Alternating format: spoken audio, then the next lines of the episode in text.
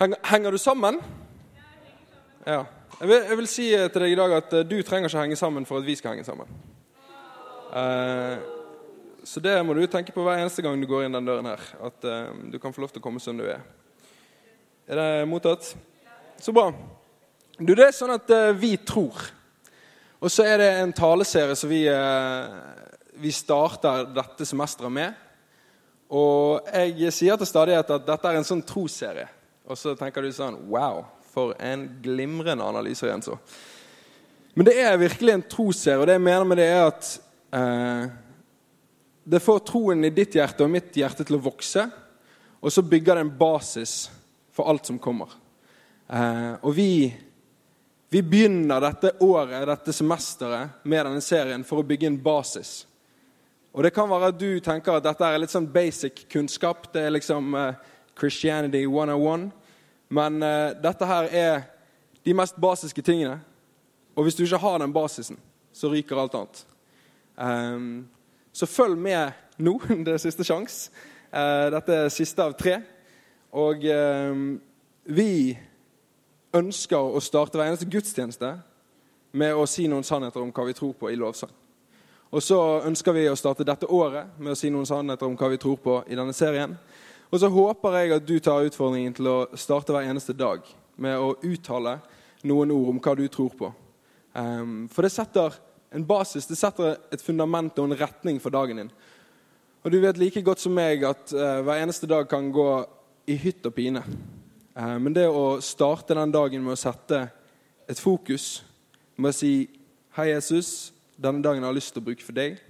Um, det gjør noe med hele dagen. Så du er velkommen til å gjøre det. Men så er spørsmålet hva er det vi tror på? Fordi den tittelen er liksom 'Vi tror'. Ja, men det gjør de fleste på et eller annet. Men hva er det vi tror på? Og Du skal ikke scrolle lenge på VG for å finne ut at kristne tror på ganske mye forskjellig. Uh, og En av de tingene som på en måte skaper enhet i kristenheten i Norge, er at vi mener at alle andre kristne tror mye forskjellig fra oss. Eh, det er på en måte det som skaper enhet. Og så noen andre ting. Og det er de andre tingene vi skal snakke om. Uh, heldigvis. Så vi bygger denne serien på uh, den apostoliske trosbekjennelsen. Og uh, den skal jeg lese for dere, og den kommer også opp på skjermen. Jeg tror på Gud Fader. Jeg mener, vi tror på Gud Fader, den allmektige himmelens og jordens skaper. Vi tror på Jesus Kristus, Guds enbårne sønn, vår Herre, som ble unnfanget ved Den hellige ånd, født av jomfru Maria, pint under Pontius Pilatus, korsfestet, død og begravet, for ned til dødsriket, sto opp fra de døde tredje dag, for opp til himmelen, sitter ved Guds, den allmektige Faders, høyre hånd, skal derfra komme igjen, komme igjen for å dømme levende og døde. Vi tror på Den hellige ånd, en hellig allmennkirke, de hellige samfunn, syndenes forlatelse, legemets oppstandelse og det evige liv. Amen. Og det faktisk verdt ett klapp. Det er det. Så de som har lyst til å slenge seg ut på det, er hjertelig velkommen til det. Det er veldig bra. Første søndag så forteller eh, Andreas om eh, Gud, vår far. En Gud som klarer å gjøre noe som ingen mennesker klarer. Å skille hvem vi er, fra hva vi gjør. Og å møte den faren er noe så spesielt, for det har du aldri sett blant mennesker. Vi kommer alltid til å legge liksom labels eller merkelapper på folk. Du kommer kanskje til å være den snakkesalige eller nerden eller hva det måtte være. En eller annen label for hvem du er, som et resultat av hva du gjør. Aristoteles han sier at at et menneske er summen av dets handlinger. Det er ikke Bibelens budskap. Gud han har bare én label, og det er Guds barn. Så uansett hva du måtte finne på, så er du hjertelig velkommen hjem igjen til å være hans barn. Eh, han kommer ikke til å se på hva du gjør, men hvem du er. Og han kommer til å fryde seg hvis du gjør noe godt. Sånn er det. Men han kommer ikke til å dømme deg. Og så sier vi videre at vi tror på Jesus Kristus. Og Benjamin fortalte forrige helg at, uh, at uh, Jesus var en mann som ble født for å dø. Han ble født for å dø for deg. Og at Jesus er den røde troen gjennom hele Bibelen. Kronen på verket i Guds plan om å frelse og redde oss. Det er det eneste navnet som kan redde deg. Også i dag så skal vi snakke om Den hellige ånd, vår hjelper. Gud som hjelper. Og, det, og det ligger i Guds natur å hjelpe mennesket. Det har vært sånn helt siden tidenes morgen. Vi ser at eh, Adam og Eva er i Edens hage, og de går på trynet ved å spise en frukt. Og eh, så skjønner de brått at de er nakne. Og hva gjør du når du er naken? Da dekker du det til. Det håper jeg du gjør. Det er noen som ikke gjør det. De er litt, sånn, en liten sånn bit av samfunnet som vi ikke prøver å forholde oss til av og til. Men de gikk på trynet, og hva er det du gjør når du går på trynet? Du prøver å dekke det til. Men Gud, han, han vet. Og Gud, han kommer og spør hvor de er. Han leter i hagen etter hvor de er. Og Adam og Eva de er liksom Vi må prøve å dekke oss til. ok, hva er Det vi har? Det, det er jo ikke noen som har begynt med bomull ennå. Liksom. Det er jo tidenes morgen. Så de tar liksom fikenblader. Det er det beste de har for hånd. Og så knytter de det om livet og prøver å lage noen sånne fikenbladbikinier. Og det jeg vet ikke om du har prøvd å gå i en fikenbladbikini, men det, jeg tror ikke det holder mer enn tre meter. liksom. Jeg tror du liksom, altså Det er bare, det er en så utrolig midlertidig løsning på et evigvarende problem. Og så går de sikkert de av seg i møte med Gud, liksom. Og så står de der. Og så sier Gud bare sånn OK, dette var ikke helt etter planen. Jeg, jeg lager dere klær. Og så snitter han opp en geit eller et eller annet. Det står ikke noe om. Men han lager iallfall klær av skinn, som er en litt bedre løsning. Um, og Gud kommer alltid til å dekke til. Gud kommer alltid til å dekke for oss når vi uh, går på trynet. Og så kommer Jesus, som er en evig løsning på et langvarig problem. Han redder oss, og han er kronen på verket. Og så stopper ikke Gud der. Det, det, det liksom Vi kommer til den tredje dagen i denne serien, at han stopper ikke med å redde oss. Du fikk nok hjelp for 2000 år siden. Det er nok hjelp for deg. Korset, det er nok. Men han gir seg ikke. Gud blir ikke ferdig. Han blir ikke ferdig med oss. Han er ikke langt vekke. Han, han bryr seg, og han ønsker å hjelpe deg i dag. Og uansett tett, Uansett om du har malt deg opp i et eller annet hjørne og tenker at nå er alt ferdig, så er ikke det det Gud sier til deg. Du kommer til å få en ny sjanse like mange ganger som du går på trynet. Så han har lyst til å hjelpe oss i dag. Og han sender sin ånd. Han er den skaperen som kontinuerlig skaper noe nytt. Og så sender han Den hellige ånd, vår hjelper. Og vi tror på Den hellige ånd. Du sitter i en pinsekirke. Dette er den delen av verdens kristenhet som folk tenker sånn Heia dem egen! De tror på Den hellige ånd, de! Oi, oi, oi, så de tror på Den hellige ånd. Og det gjør vi. Jeg skal ikke liksom stikke hull i den myten at vi ikke tror på Den hellige ånd. For det gjør vi virkelig. Vi tror veldig på Den hellige ånd. Og så står man kanskje utenfor denne kirken, og så ser man inn, og så ser man et, et bønnemøte der man tenker sånn Oi, oi, oi, her er Den hellige ånd. Og så Jeg hørte, jeg hørte en eh, en litt eldre dame en litt eldre dame enn meg, hun er ikke gammel. Um, hun, hun, sa om et, uh, om et bønnemøte at var, hun beskrev det med to ord. Full halloi. Og det er sånn Det er beskrivende på en eller annen rar måte. Man skjønner på en måte litt av hva som skjedde der uten å ha vært der. Full halloi. Um, men mitt budskap i dag er at uh, Den hellige ånd er mer enn full halloi. Det er at uh, det blir for snevert å se på det som et bønnemøte som er full halloi. Eller et eller annet som skjer på søndagen i lovsang. Eller liksom, ja. I min bibel så står det en overskrift. Der står det 'liv i ånden'. Og det står et kapittel der det forklares om åndens frukter. Og det er godhet og trofasthet og fred og glede og mye annet gode greier. Som, som ikke nødvendigvis kommer til syne på den søndagen i lovsang eller i det bønnemøtet. Fordi et liv i ånden et liv med Den hellige ånd, det betyr at du hjelper naboen din å flytte. liksom. Det betyr at du venter lenge nok på kjæresten din i gangen uten å sprekke av utålmodighet. Det betyr så mye mer enn full halloi. Så når du hører ordet åndelighet, så vet ikke jeg hva som popper opp. Jeg vet ikke om det er åndenes makt. jeg vet ikke om det er... Men man, av og til så sier man det at 'Oi, han er så åndelig'. Eller 'hun er så åndelig'. Eller 'de, den kirken, de er så åndelig'. Og så ser man for seg liksom folk som har bachelorgrad i sånn lovsangsvugging. Sånn der, Wow, jeg vet ikke, du må ha øvd på det der så lenge, liksom. Du bare står der og så vugger det. Det ser helt perfekt ut. Du burde vært med i en eller annen sånn YouTube-video.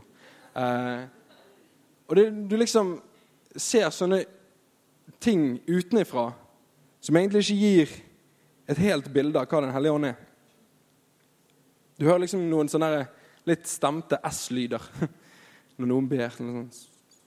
Så står du der, der står du der på åttende rad og så tenker du sånn Hva er det jeg har gått inn med? Hva, hva er dette? Hva som skjer her? Og det er en del av Den hellige ånd. Og det er helt nydelig. Og jeg er ikke mot full halloi. Jeg er helt for full halloi. Jeg er for lovsangsvugging. Det er ikke sånn at alle dere skal være sånn Nå er det lovsang, nå må vi huske å stå helt i ro, for han nevnte lovsangsbyggingen. Eh, men det er bare en bitte liten del av et helt liv med Den hellige ånd. Og det er det jeg ønsker å legge litt lys på. At Den hellige ånd kan hjelpe deg inn i et fullere liv. Et et helt liv i Ånden. Og så ser vi liksom Gud gjennom alle tider hjelpe mennesker.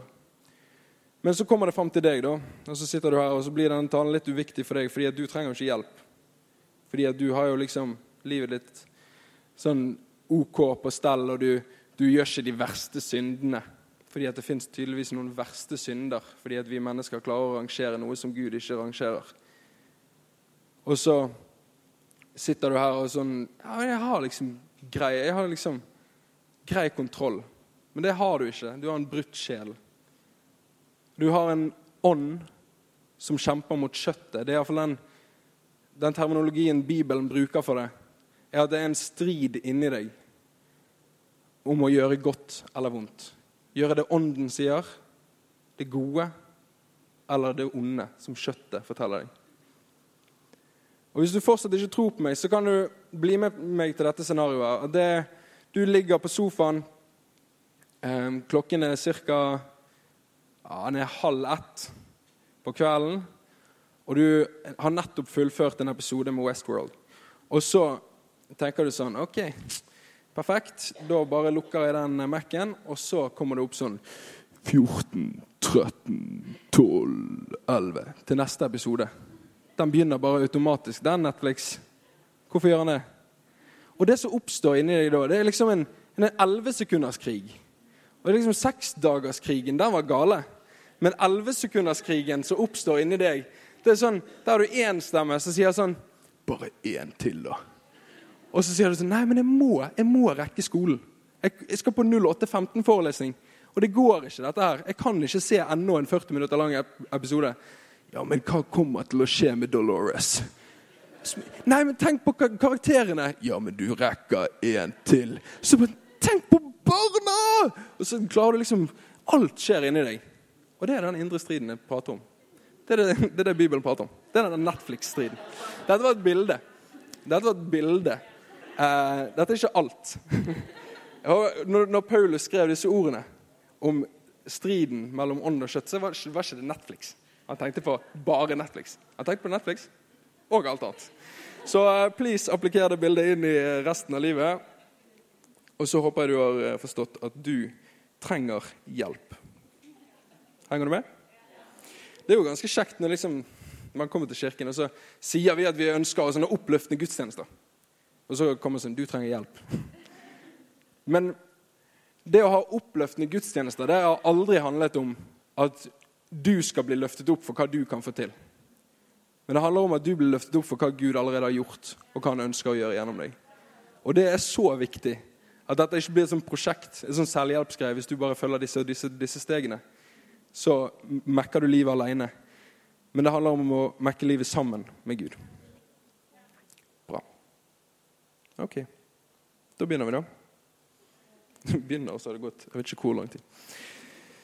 Jeg beklager det. Jeg mente det. Ok. Sorry, not sorry. Ikke det de sier. Ok, Men du um, Så må jeg bare rydde litt, enda litt mer i dette, dette sinnet ditt som er så påvirket av den tiden vi lever i. Og mitt sinn òg. Um, fordi at du blir på en måte satt på tronen i ditt liv. Alt handler om deg. Og Facebook de leverer bare eh, informasjon som er skreddersydd deg. Og, og du, alt du liksom bare Du åpner mobilen, og så er det bare cookies overalt. Og hele verden bare sammen De bare samarbeider om at du skal være på toppen av ditt liv. Og du skal kun få den informasjonen du vil ha, for at de skal please deg. Og for at du skal kjøpe deres produkter, selvfølgelig. Men det gjør noe med oss. Og det gjør at, at den tiden vi lever i, den kalles antroposen, Altså menneskets tidsalder. Der det handler om mennesket. Og så plutselig er du i sentrum av ditt eget liv, og så begynner du å tenke at, um, at det er et privilegium for Gud at du, du er med på hans lag. Um, og at det du tjener i kirken, eller tjener med menneskene rundt deg, det det er bare noe du gjør fordi at Gud trenger din hjelp. Men Gud, han trenger ikke din hjelp. Og Gud, han trenger deg ikke. Men han vil ha deg. Og det er en liten, men så avgjørende sannhet for hvordan du driver din tjeneste. Og det lille skiftet det håper jeg at du gjør klart i din tanke. Og Det er kanskje ekstra viktig for deg som er på team her i kirken. Hvis du er på tre-fire forskjellige team og du tjener hele tiden. Så plutselig så får du deg sjøl til å tro at, at Gud trenger deg. Men han, han ønsker deg. Han vil ha deg. Han vil ha tid med deg. Og han klarer seg. Han kommer til å klare seg. Så hvis ikke du gjør det du skal, så sender han kanskje noen andre. Og hvis vi gjør det lille skiftet, så får vi plutselig et utgangspunkt som gir oss styrke og kraft til å gå i de tingene som Gud kaller oss til. Det er ting han ønsker å se i ditt liv. Men du må ikke tro at han trenger det. Han, han vil ha deg, ikke de tingene du gjør.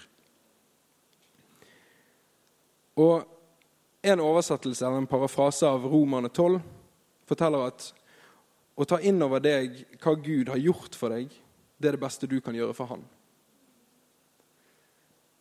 Å ta inn over deg hva Gud har gjort for deg, det er det beste du kan gjøre for Han. Så la oss starte med det utgangspunktet. Så skal vi sammen søke noen sannheter som ved Den hellige ånd kan hjelpe oss i vår hverdag. Har dere noen av de? sannhetene? Nei, ikke si noe. Det blir veldig eh, Alle bare sånn Jeg trodde han skulle snakke i 30 minutter. Er dette sånn forelesning? Nei, Det er veldig bra at dere ikke svarer og gauler. Det står mye i Bibelen om å ha ryddige gudstjenester, så det skal vi prøve å etterleve. Veldig bra. Jeg har noen sannheter, da. Så vi kan ta de. Sannhet nummer én han er her. Han er ikke langt vekke. Han er ikke en skaper som skapte og så dro. Han er ikke en gud som reddet, og så ikke har lyst til å ha noe med oss å gjøre. Men han er her nå.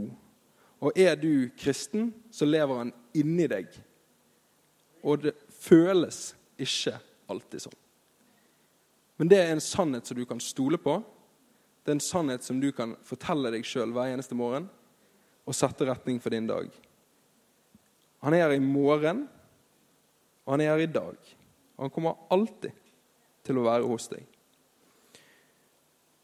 Og han har lyst til å hjelpe deg med akkurat det du står i. Og så kan det være at du er akkurat sånn som Adam og Eva i hagen, at du gjemmer deg fordi du skammer deg. Fordi at det er en eller annen svakhet, det er en eller annen feil du har begått. Og så gjemmer du deg. Og det er ikke sånn at Gud bare sånn sto rett foran dem når de hadde gjort den feilen. Han kommer og leiter, selv om han vet alt. Og Gud kommer til å spørre 'Hvor er du?' Selv om han vet akkurat hvor du er. Han kommer til å spørre 'Hva trenger du?' selv om han vet akkurat hva du trenger.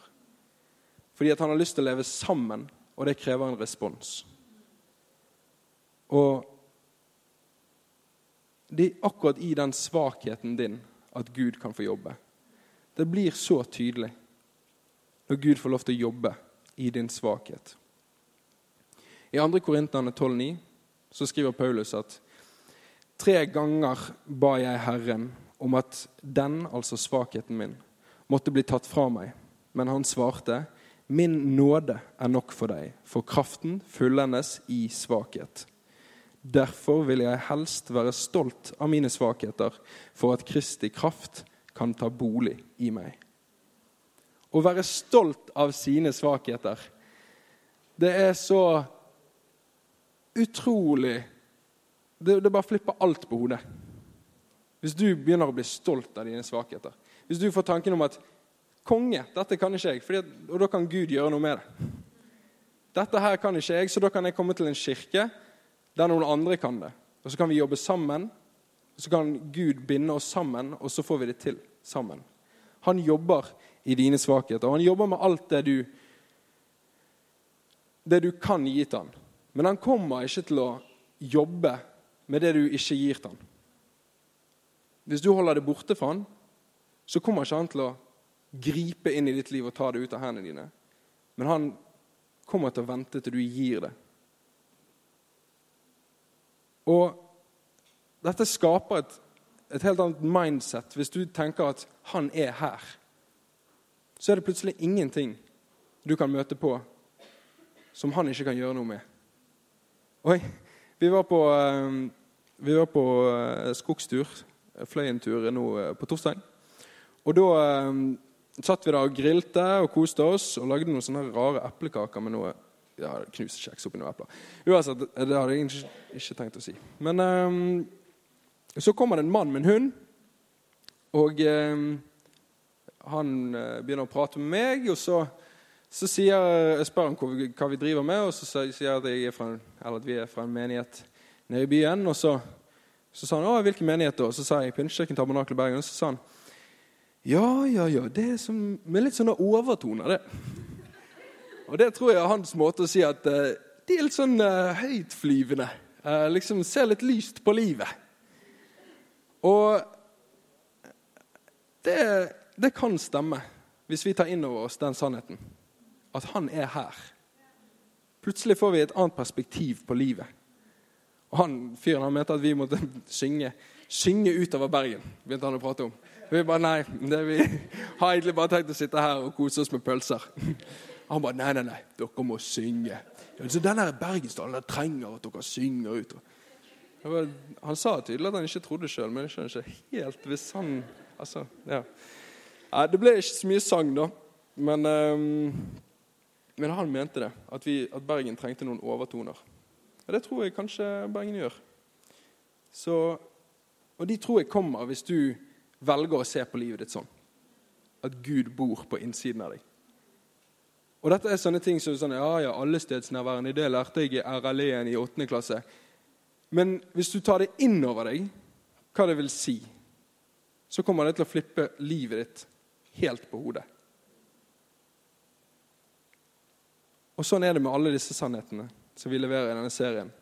At det er ikke bare liksom faktasetninger, men det er sannheter som kan prege liv. Ok. Ja, jeg må ta et bibelvers til. Det er så nydelig. Romerne 8,26. Ja, det er bra. Konge, der står det på samme måte kommer også Ånden oss til hjelp i vår svakhet. For vi vet ikke hva vi skal be om for å be rett, men Ånden selv går i forbønn for oss med sukk uten ord. Så fins det en rapper som heter Kendrick Lamar. Og han sier 'Nobody pray for me'. Og hvis han er kristen, så stemmer ikke det. Fordi at ånden går i forbønn. Hvis du føler deg alene, så er ikke det den objektive sannheten over ditt liv. Det kan være den subjektive meningen eller følelsen din. Men er du en kristen, så har du en ånd som ber for deg, med sukk uten ord. Konge. Sannhet nummer to. Han hjelper gjennom. Og her er nøkkelordet 'gjennom'. Det står mye i Bibelen om dødsskyggenes dal, og du ser for, kanskje for deg liksom veien opp til Mordor. eller et eller annet. Det er kanskje litt vanskelig å sette seg inn i, men det er ikke nødvendigvis en dal vi snakker om. Det er en livssituasjon der, der døden banker på døren. Der, der ondskap og bare ting som er mørkt, vil ha noe med deg å gjøre. Og Så står det mye om at Gud leder oss gjennom dødsskyggenes dal. Det står ikke at vi tar en tur opp på fjellet ved siden av dødsskyggenes dal og ser ned på han og så går videre, men gjennom. Og det er ikke alltid at han kommer til å ta ting vekk, altså omstendigheter vekk fra deg. Det er ikke sånn at han kommer til å sparke den sjefen som du skulle ønske at ble sparket. Men han kommer til å jobbe med ditt indre til du har opparbeidet deg styrke og karakter til å vinne de fightene du står i. Og det handler om å gå igjennom. Det handler om å lære av han hvordan du kan møte verden, sånn at du har makt og styrke til å gå igjennom det. Til å vinne det. Men så kommer du til å tape også. Og så går det fint, fordi at han er her. Og du kan reise deg opp igjen og fortsatt være i dødsskyggenes dal og gå videre. Men hvis du velger å ikke gi opp og tro på disse sannhetene her, så kommer du ut på andre siden. For noen dager siden så, så jeg en, en, jente, en kristen jente på Instagram som, um, som skrev at uh, 'Summer is a state of mind'. Og det tenker jeg er litt sånn breialt å si. Altså, Nå bor jeg i Bergen, og det er jo ikke hun, men, men i Bergen så har vi en demning, eller hadde en demning, som liksom brøt sammen. Fordi den demningen ikke kunne gjøre sin ene jobb, å holde på vann. Og da tenker jeg det er litt rart å si at 'summer is a state of mind'. Det er sånn det flommer. Det flommer vann. Jeg står, står til knærne til hoftene i vann, men sommeren lever inni meg. Men så har jeg smattet lenge på det, og jeg er kanskje den første til å tenke sånn Oi, oi, oi, oi, oi. det var litt sånn Litt mye, kanskje. Eh, men det, jeg tror på det at man kan få det perspektivet av at man klarer å, å zoome ut. Man klarer å elevere seg sjøl over sin situasjon og skjønne at her går jeg i dødsskyggenes dal, men det gjør også Gud. Og da har de dødsskyggene ingenting de skulle ha sagt. Og da blir kanskje det Kanskje ikke akkurat det sitatet stemmer, men det at du kan se lyst på livet og din situasjon, det kan gjelde. Ikke pga. deg, ikke pga. hva du makter, men fordi at du går sammen med Den hellige ånd, som ønsker å hjelpe deg. Bra. Det virker som om Gud har åpnet menneskers øyne for den større virkeligheten. Og hvis du velger å traske gjennom livet og minne deg sjøl på det ofte nok, så kommer du deg helt igjennom til den andre siden. I Hebreane 13,6 så står det Derfor kan vi tillitsfullt si Herren er min hjelper, jeg frykter ikke. Hva kan mennesker gjøre meg? Hva er det omstendigheter kan gjøre meg når Herren er min hjelper? Jeg trenger ikke å frykte. Og det står en million ganger i Bibelen vær ikke redd. Frykt ikke. Og det er viktig å se hva det står. Det står ikke 'ikke føl redsel'. Det står ikke 'ikke føl at du blir redd'. Det står 'vær ikke redd'. Det er en tilstand som man kan prøve å jobbe seg ut fra. Bekymring, frykt, det er sinnstilstander som du ikke trenger å være i. Du kan bli skremt, men Bibelen sier at du ikke skal være redd. Ok, han leder gjennom alle omstendigheter. Sannhet nummer tre. Han hjelper deg å se en bedre framtid. Gud kommer alltid til å peke mot noe som er bedre. Og uansett om du føler deg malt opp i det hjørnet, så kommer han til å finne en utvei og en løsning. Og Gud han er i businessen av å gjøre to ting. Det er å frydes over ting som er bra. Det har han gjort fra tidenes morgen når han skapte alt. Da tenkte han heierne, dette er bra. Og så fikser han ting som er brutt. Det er de to tingene han gjør. Frydes og fikses. Og det er det vi er, vi er kalt til å være som han. Og den, den listen er ikke frydes, syte og fikse. Og noen ganger så trenger vi å syte fordi at vi er mennesker. Men vi er kalt til å prøve å konstruktivt fikse ting. Prøve å peke for seg sjøl og andre mot en bedre fremtid. Altså, Evighetsperspektivet er himmelen, der alt er godt. Og så har vi kanskje 80-100 år denne kloden. Og Gud har lyst til å gjøre de årene også mye bedre. Og ja Du er kalt til å gjøre de to tingene. Og det preger hvordan vi snakker. Det preger hvordan vi ser på situasjoner. Kan jeg fryde meg over dette, eller kan jeg være med å fikse det? Det er det Gud ønsker å hjelpe deg til. Så står det i Filipperne 1, 18b til 19. Når det står B, så er det den siste delen av det verset som er med. Bare så du vet det. Ja, jeg skal få mer å glede meg over. For jeg vet at dette skal bli min redning, ved at dere ber for meg, og Jesu Kristi ånd hjelper meg. Jeg skal få mer å glede meg over. Peker mot en, en framtid der det er mer å glede seg over. En ende på den dødsskyggenes dal. Og hva er det som skal bli redningen? Det er at dere ber for meg, og at Jesu Kristi ånd hjelper meg. Og Gud ønsker å gjøre deg til en bedre person. Og det å hige mot å bli en bedre person Jeg vet ikke om vi, jeg vet ikke om vi gjør det lenger. Jeg kjenner i hvert fall på at det er sånn vi, vi, Det handler om å godta den man er. Og det handler om å godta den man er, men Gud peker også mot noe bedre. Og det inviterer han deg inn til. Du må ikke, men det kommer som en direkte følge, følge av et liv i ånden. Da kommer du til å oppleve at det er mer godhet, mer trofasthet, mer glede og fred rundt deg. Tålmodighet, overbærenhet. Han peker mot noe bedre, og han hjelper deg å se en bedre framtid. Mm. Så står det 'ved at dere ber for meg' i Filippane. Og det handler om dette fellesskapet.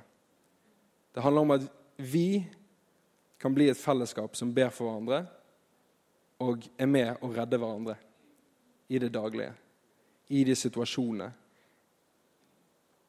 og når ting er mørkt for noen, så kan vi hjelpe dem å løfte perspektivet. Ikke på en sånn herre Hei, men Jesus elsker deg uansett! Det er liksom ikke det. det. Det er ikke det det står i åndens frukt. Overfladiskhet. Men det handler om en dybde i å lytte, men å komme med sannheter. Og levere sannheter inn i livene til hverandre. Den hellige ånd den er kirkens forsoner. Det er den som, som bygger oss sammen. Så jeg ber om at vi kan bli åndelige sammen. Og at det ikke Jeg ber om at det skal være full halloi. Og så ber jeg om at det skal være mer enn det òg. At det preger hele våre liv. Mm. Nydelig.